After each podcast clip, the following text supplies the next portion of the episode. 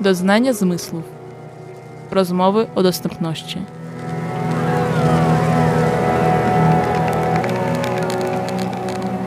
Zapraszam do wysłuchania cyklu rozmów o dostępności w życiu codziennym osób z niepełnosprawnością wzroku.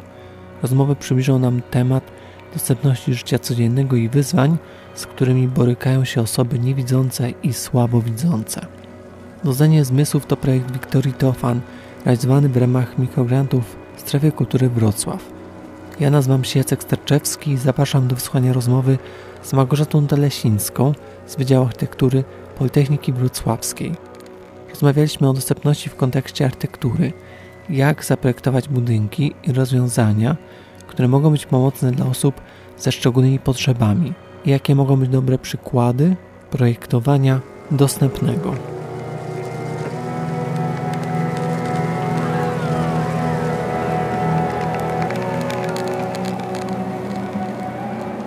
Cześć, e, jestem Małgorzata Telesińska. Aktualnie jestem doktorantką na Wydziale Architektury Politechniki Wrocławskiej, a zajmuję się szeroko pojętą tematyką dostępności architektonicznej i tutaj mam na myśli także dostępność dla osób niepełnosprawnych, niepełnosprawnych fizycznie, niepełnosprawnych wizualnie, niepełnosprawnych psychicznie, a także samym spektrum poznawczym tych osób, w jaki sposób one postrzegają i percepują architekturę, a także samą percepcją architektury za pomocą innych zmysłów. Bo wiadomo, pomimo tego, że mamy prymat architektury e, pod kątem projektowania wzrokowego, no to odczuwamy ją także za pomocą innych zmysłów.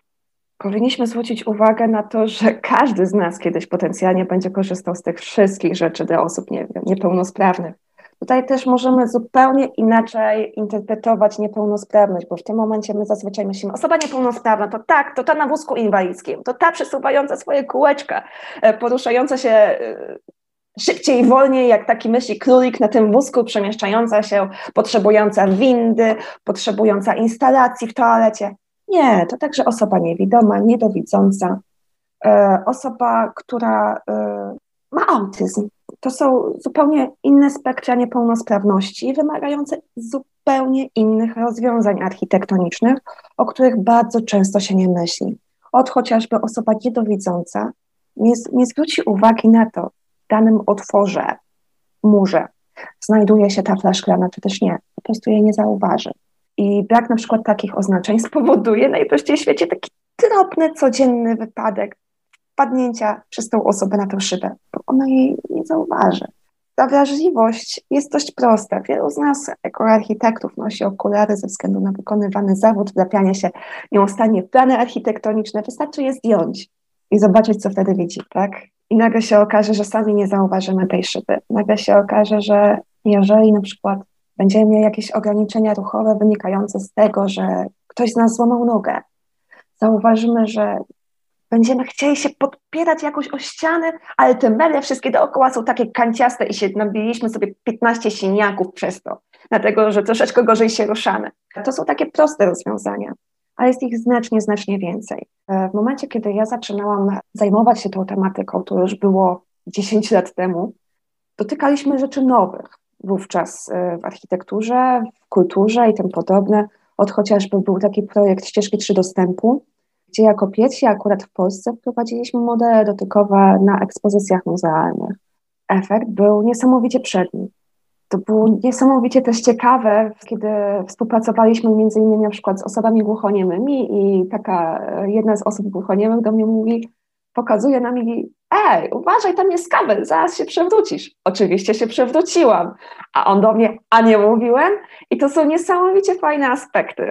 Sama ta współpraca z osobami właśnie niepełnosprawnymi, tutaj mam na myśli różne spektra tej niepełnosprawności, niesamowicie daje możliwość wyjścia poza własny schemat, poza własny schemat też projektowy, bo y, ja też jako typowy architekt jestem przyzwyczajona do tego świata kresek, brył, obrazów, ale są niesamowicie dobre projekty, o których się mówi w Europie, które bazują na innych zmysłach. Od chociażby jeden chyba z najsłynniejszych projektów e, Muzeum Dźwiękowego Guggenheima, tak, e, i innych, ale te spektra są ogromne, te spektra tych możliwości są naprawdę nieskończone, gdzie e, możemy projektować za pomocą odczuć dźwiękowych, gdzie możemy projektować za pomocą dotyku gdzie możemy dodać dodatkową wartość do naszego projektu, nie zaburzając tym samym pozostałych funkcji. To jest tylko i wyłącznie wartość dodana, która też będzie bardzo mocno doceniona przez osoby pełnosprawne, które dzięki temu zobaczą coś nowego. I paradoksalnie doświadczą czegoś nowego za pomocą innego zmysłu, i to będzie dla nich też wyzwalające.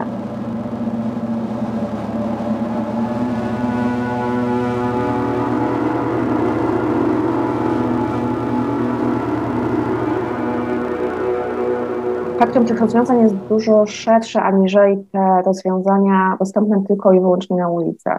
Tego jest naprawdę mnóstwo i tutaj będziemy mogli po prostu mówić o tych spektrach w kontekście architektury wnętrz, po prostu samego wnętrza, w którym żyje człowiek, poprzez wyjście na ulicę, wyjście do miasta, czyli po prostu będziemy mieli spektrum w przestrzeni urbanistycznej jako całości urbanistyki, Będziemy mieli te spektrum urbanistyczne w skali samej ulicy, w skali samej dostępności budynku, żeby do niego wejść, a także w skali wnętrza architektonicznego poprzez właśnie małą formę użytkową i przestrzenną.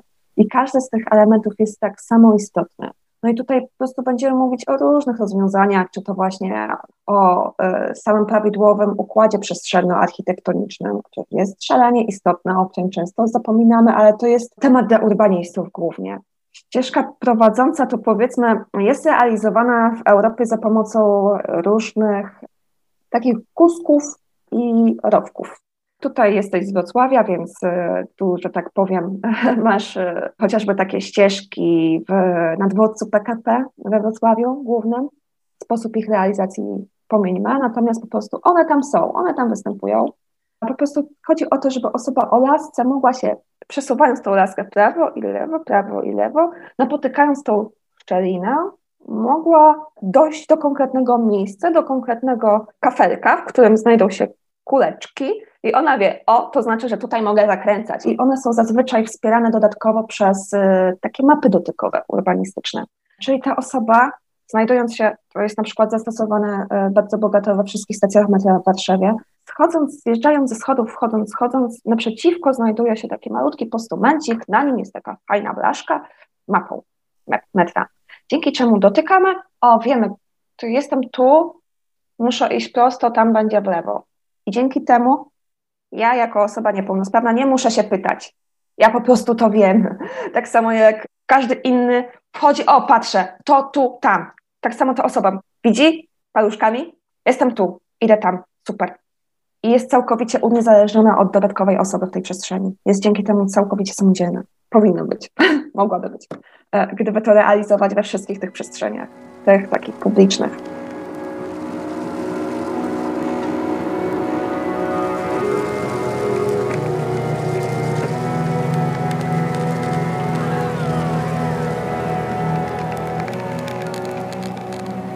Tutaj często też zapominamy właśnie my jako architekci o takich właśnie rzeczach chociażby jak podłogi antypoślizgowe, jak e, oznaczenia zmiany wysokości podłoża, jak oznaczenia właśnie pod kątem osób niepełnosprawnych wizualnie, ile jest stopni, gdzie mam się zatrzymać, czy będzie następny stopień, czy też nie.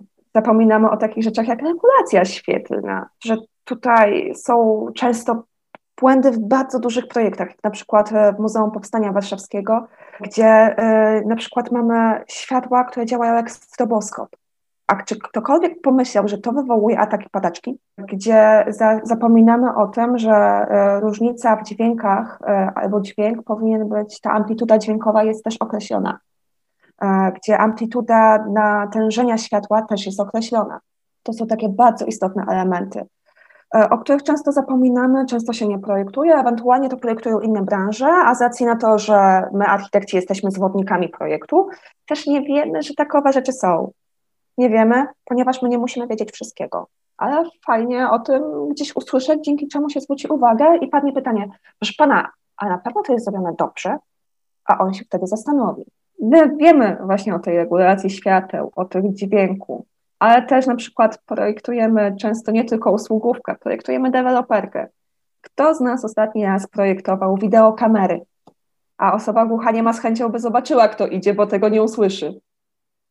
E, takie to są bardzo, bardzo proste rozwiązania, o których wystarczy pomyśleć, tak? o właśnie chociażby o tych małych spadkach powierzchni, gdzie będziemy mieli inny sposób profilowania schodów.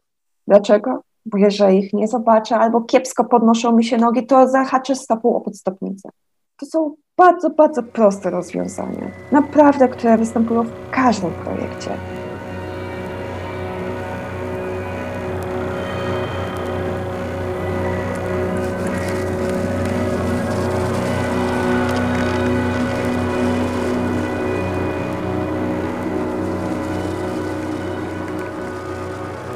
Co może zrobić każdy z nas?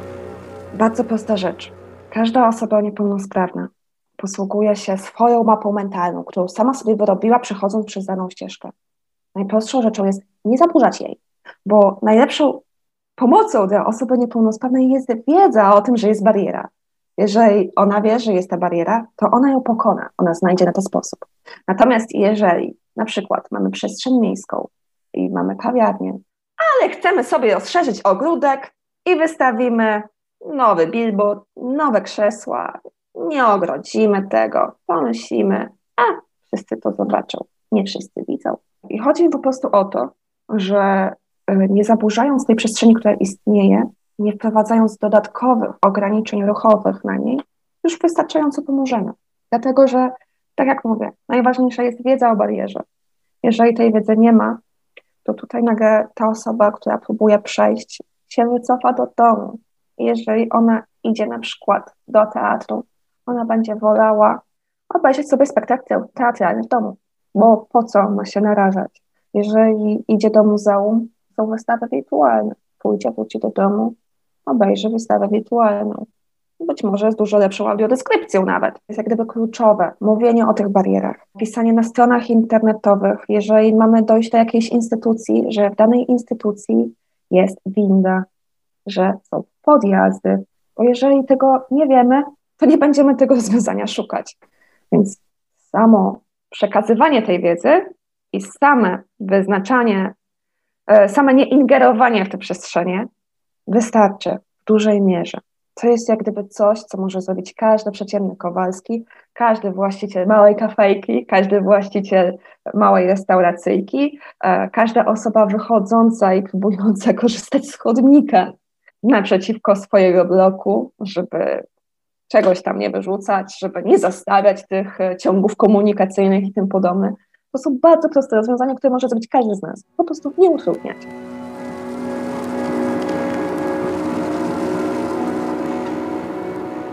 Rozmowy powstały w ramach projektu Doznania Zmysłów, realizowanego w ramach 25. edycji programu Mikrogranty Strefy Kultury Wrocław. Więcej rozmów oraz informacji znaleźć można na stronie projektu na Facebooku oraz Instagramie pod hasłem Doznanie Zmysłów.